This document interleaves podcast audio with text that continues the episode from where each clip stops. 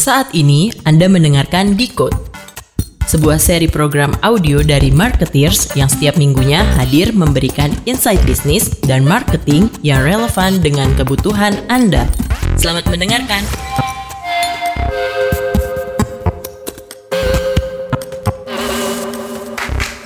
Good Marketing, Great Insight Anytime Halo Marketeers, bertemu lagi di series podcast Decode by Marketeers Episode kali ini kita sudah kedatangan lagi-lagi ada Mbak Yosanova Halo, Dan satu lagi kayak karena masih baru, tolong perkenalkan diri Mas siapa namanya? namanya Rivo. Oke, ada ada Mbak Nova dan juga ada Mas Rivo. Mbak Nova dan Mas Rivo, hari ini kita kayaknya bakal bakal bahas yang cukup sensitif nih. Mm-mm. Ya nggak sih sensitif nggak sih menurut? Sensitif banget Ah, karena mempengaruhi hajat hidup. Hajat hidup Orang. orang banyak. Hal ini menentukan orang mau stay di perusahaan apa enggak. Iya, benar. Kita bakal ngebahas insentif nih. Kalau secara garis besar ya, insentif itu apa sih Mbak? Mungkin kita cuma tahu insentif itu kayak oke eh, saya jualan, terus saya dapat komisi atau mungkin Hmm. ada hal-hal lain di luar it- eh, pengetahuan itu sendiri. Iya, benar. Jadi insentif dan kompensasi itu sebenarnya uh, lebih luas, bukan cuma komisi. Komisi itu kan yang berpengaruh ke berapa banyak yang kita jual, maka uh, berapa persennya kita dapat gitu kalau komisi. Tapi kalau insentif compensation itu juga ngaruh ke gaji tetap. Terus ada juga yang sampai ke bonus tahunan. Terus juga ada yang sampai ke benefit, misalnya kayak asuransi kesehatan, terus jalan-jalan kayak gitu. Nah, itu semua eh, bolehlah secara umum kita sebut eh, insentif dan kompensasi kayak gitu. Kalau sebuah perusahaan, semisal untuk menentukan tahapan awal membagi insentif itu apa aja langkah-langkahnya? Hmm, mungkin eh, sebelum kita ngomongin ke langkah-langkahnya, eh, teman-teman juga perlu tahu nih para marketeers bahwa eh, insentif itu kan kesannya hanya untuk memberikan penghargaan atau reward kepada orang yang memang berjualan. Padahal sebenarnya insentif dan kompensasi itu bisa ditentukan dari awal yang tadi Adan sempat bilang. Jadi langkah pertama di insentif dan kompensasi itu pada saat kita rekrut orang. Karena kalau misalnya kompensasinya kita sampaikan ke calon pegawai misalnya itu akan menentukan pegawai tipe apa yang akan kita dapat gitu. Habis itu insentif dan kompensasi juga berguna buat meningkatkan motivasi bagi karyawan. Misalnya kalau kita saat keadaan sulit nih kita kasih motivasi dengan insentif skema yang lebih baik gitu. Nah insentif dan kompensasi juga sangat pengaruh buat memonitor pekerjaan dari tiap orang sales kita gitu. Nah jadi memang kalau kita perhatikan eh, insentif dan kompensasi ini kita harus tentukan dulu nih buat apa dulu? Apakah buat mendapatkan orang yang tepat atau buat memotivasi orang atau buat mengontrol pekerjaan dia gitu. Karena eh, masing-masing punya eh, apa ya eh, keuntungan dan tantangan yang berbeda-beda begitu Oke, kalau tadi misalnya mencari mendapatkan orang yang tepat ya, itu berarti skemanya beda-beda dong maksudnya insentif yang diberikan. Iya, beda-beda. Jadi misalnya nih, kita punya komisi. Misalnya kita punya tim sales nih, Iya. kita mau dapat orang yang hunter. Hunter itu artinya adalah orang yang agresif eh, masuk ke pasar baru, bukan pasar baru ini Iya. ya, masuk ke eh, apa namanya yang belum klien pernah baru ya, ya. klien, klien baru, akuisisi dan segala macam. Kalau kita insentifnya itu kegedean di gaji pokok, bukan di komisi, mana mungkin kita dapat yang hunter Ya. gitu kan. Nah, kalau kita memang masuk ke penetrasi market baru, lebih bagus komisinya yang variabel diperbanyak, yang fixnya dikecilin. Hmm, gitu. Jadi yang tertarik sama kita juga yang agresif, yang emang mau yang mau apa namanya? duitnya akan naik kalau misalnya dia akuisisi atau salesnya tambah naik. Tapi kalau misalnya kita ada di bisnis yang lebih relationship oriented misalnya. Kayak jasa misalnya gitu. Eh accountnya besar besar nah kita nggak bisa tuh pakai variabel sebanyak itu. Kita harus banyakin gaji. Coba deh bayangkan misalnya ada satu perusahaan jualnya misalnya data center gitu. Data center jual setahun sekali aja udah untung banget gitu. Kalau misalnya kita variabel nih berdasarkan yang dia jual baru dia dapat udah keburu minggat duluan itu orang jadi harus ada fix salary-nya lebih gede tiap bulan dia dapat duit nah pas dapat klien baru langsung dia dapatnya gede gitu. Hmm, Jadi beda-beda buat berdasarkan mereka. eh, ini kalau tadi itu contoh kasusnya berasa ini kan eh, new client ya mbak ya, Betul, new betul, client. betul. Dan tapi kalau misalnya retention klien-klien lama gitu, ya tadi bilang relationship itu nanti juga Ngaruh. Ngaruh juga Ngaruh. Nah, kalau misalnya bagian itu udah ngomongin masalah mengontrol performance management. Jadi, kalau insentif itu dikaitkan dengan misalnya tadi berapa banyak klien yang di eh, punya gitu, Ya. yang dipertahankan, berapa banyak yang loyal, customernya berapa banyak yang puas.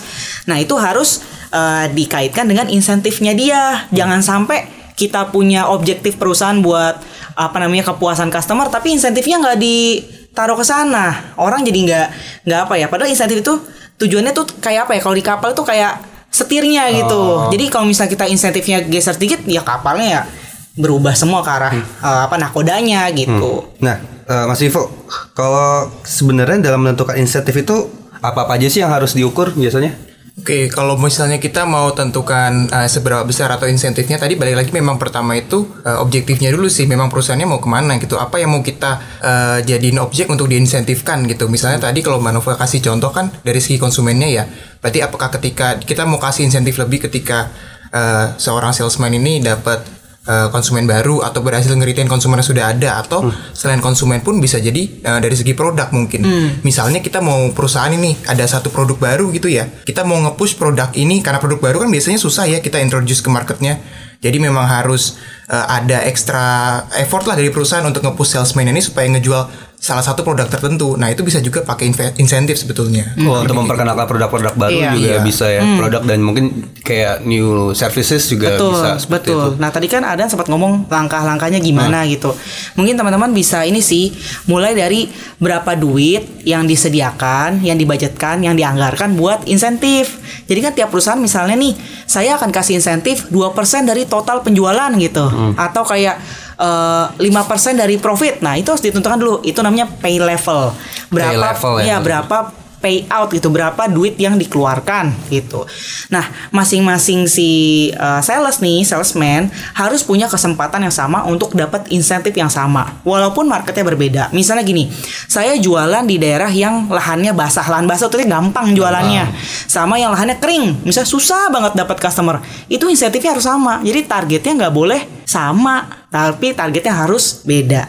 Sehingga insentif yang didapat nanti harus sama antara orang yang jual di lahan basah sama di lahan kering. Nah, itu yang pertama, pay level. Nah, itu penting tuh. Kadang-kadang kita tuh suka kasih apa insentif berlebihan ke lahan yang emang udah basah. Percuma aja kok kayak Percuma gitu. aja emang dia nggak perlu jago-jago amat jualan juga udah dapet gitu. Iya. Tapi dia setengah mati mau sampai pagi sampai malam keliling-keliling visit nggak dapat dapat mati juga dia. Padahal dia bagus. Tapi semisal kalau lahannya kering gitu buat memacu semangat gitu boleh nggak sih kita tambahin misalnya biasanya cuma 2% tapi karena ini emang udah lahannya kering kemudian cari acquire new client juga jadi kayak ya udah dari 2% lu 3% deh dapat kalau bisa gitu. Fair nggak kalau kayak gitu? Sebetulnya fair sih karena tadi kan kita ngelihat eh, yang penting insentif ini kan salah satu istilah kita tuh exciter ya harus bisa memotivasi justru jadi jangan sampai pokoknya apa pun lah kalau kita mau mendesain insentif plan ini apa pun yang bisa memotivasi salesman ya itu sebetulnya eh, sah-sah saja seperti itu.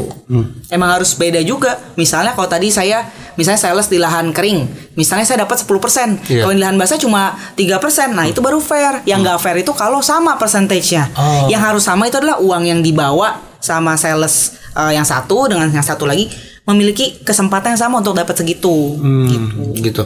Nah, apakah insentif itu selalu ditolak ukurnya adalah penjualan? Apa mungkin bisa katakan saya jualan 10 miliar tapi buat saya mendapatkan deal 10 miliar itu banyak cost yang saya keluarkan katakan sampai 500 juta sampai 1 M itu kan nggak efektif juga kan? Betul sekali. Jadi memang eh, nggak mesti melulu eh, berapa omset yang didapat. Bisa juga kalau misalnya nih kita masuk ke market yang baru, bisa jadi bukan target omset karena kan kita masih belum terkenal Iya. juga nih mereknya.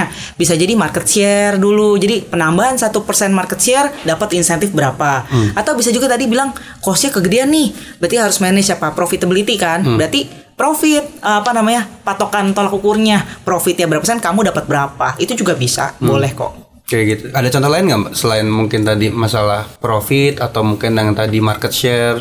Mungkin tadi sih ya kalau selain profit sama market share sendiri tadi kita bisa balik yang ke awal tadi mungkin dari segi konsumen dan produk Ya, sendiri itu betul. bisa jadi Produk itu metrik sebetulnya. Misalnya kita belum pernah masuk ke satu segmen konsumen yang memang dari awal company ini berdiri katakanlah ekstrimnya ya sampai sekarang kita belum pernah masuk nih. Tapi ada satu salesperson yang berhasil masukin dan itu memang jadi target kita. Nah itu pasti boleh banget kita incentivize lebih. Kemudian produk juga tadi kembali lagi ketika kita punya produk baru ada tujuan untuk mengoptimalkan penjualan dari satu produk ya di situ kita insentifkan sebetulnya untuk penjualan produk tersebut. Benar banget nih ada contoh satu eh, distributor ini apa barang-barang konsumen misalnya kayak jual pasta gigi, Iya. sikat gigi, terus ada jual snack juga.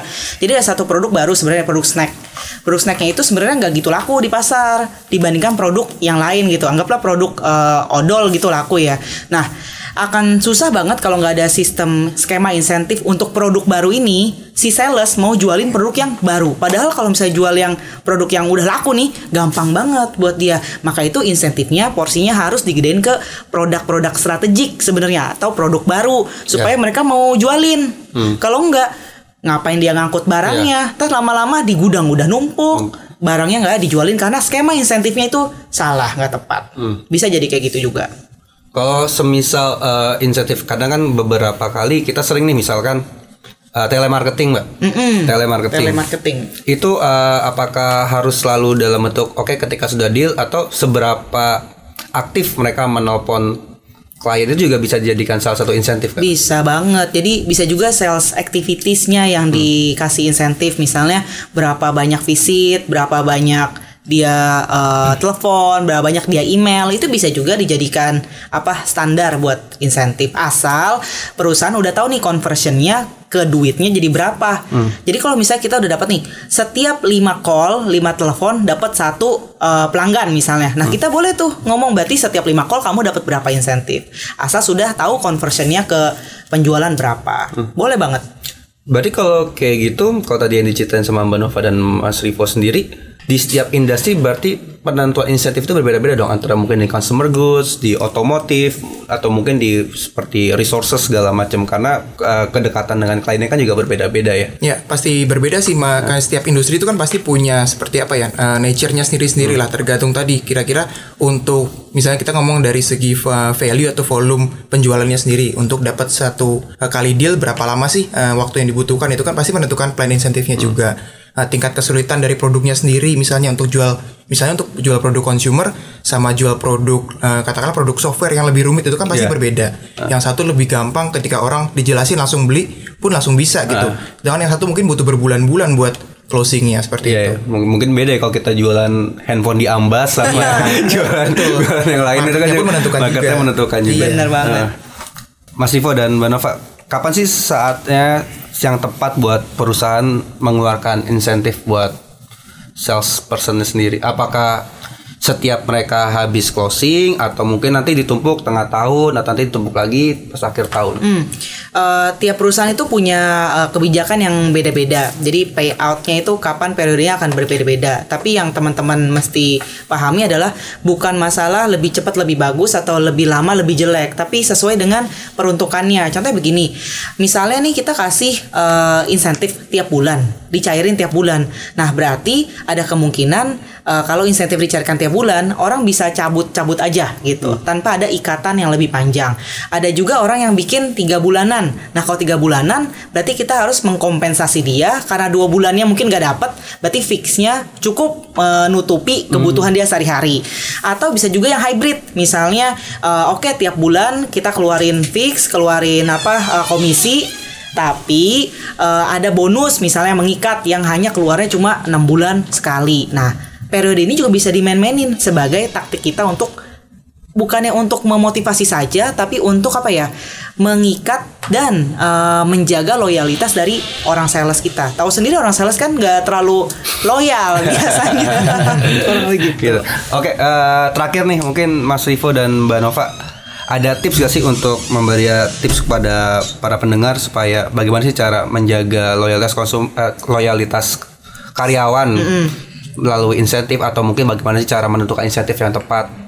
Oke, sebenarnya ada rule of thumb sih sedikit rule of thumb ya. Ketika kita bikin insentif plan itu kan eh, kita pengen sebetulnya supaya orang-orang tuh bisa mencapai juga kan. Toh pada akhirnya kita pengen ini supaya buat memotivasi teman-teman kita salesperson juga.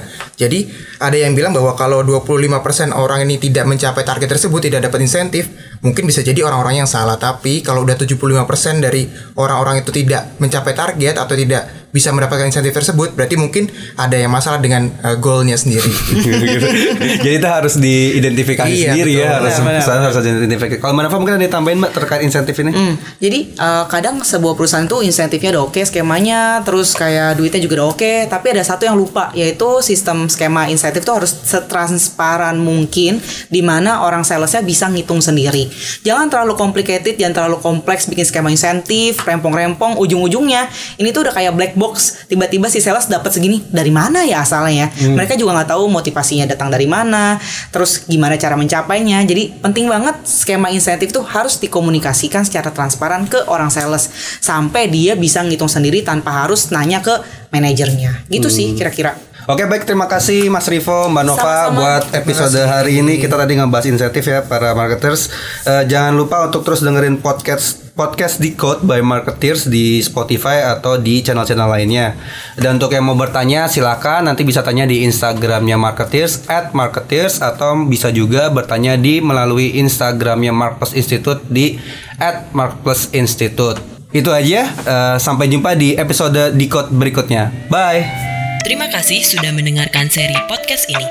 Untuk insight mendalam lainnya, silakan dengarkan konten podcast kami yang lain, atau Anda bisa berkunjung ke kanal YouTube kami di Marketeers TV, situs kami marketeers.com, dan membaca majalah bulanan kami. Selamat menikmati dan sampai jumpa.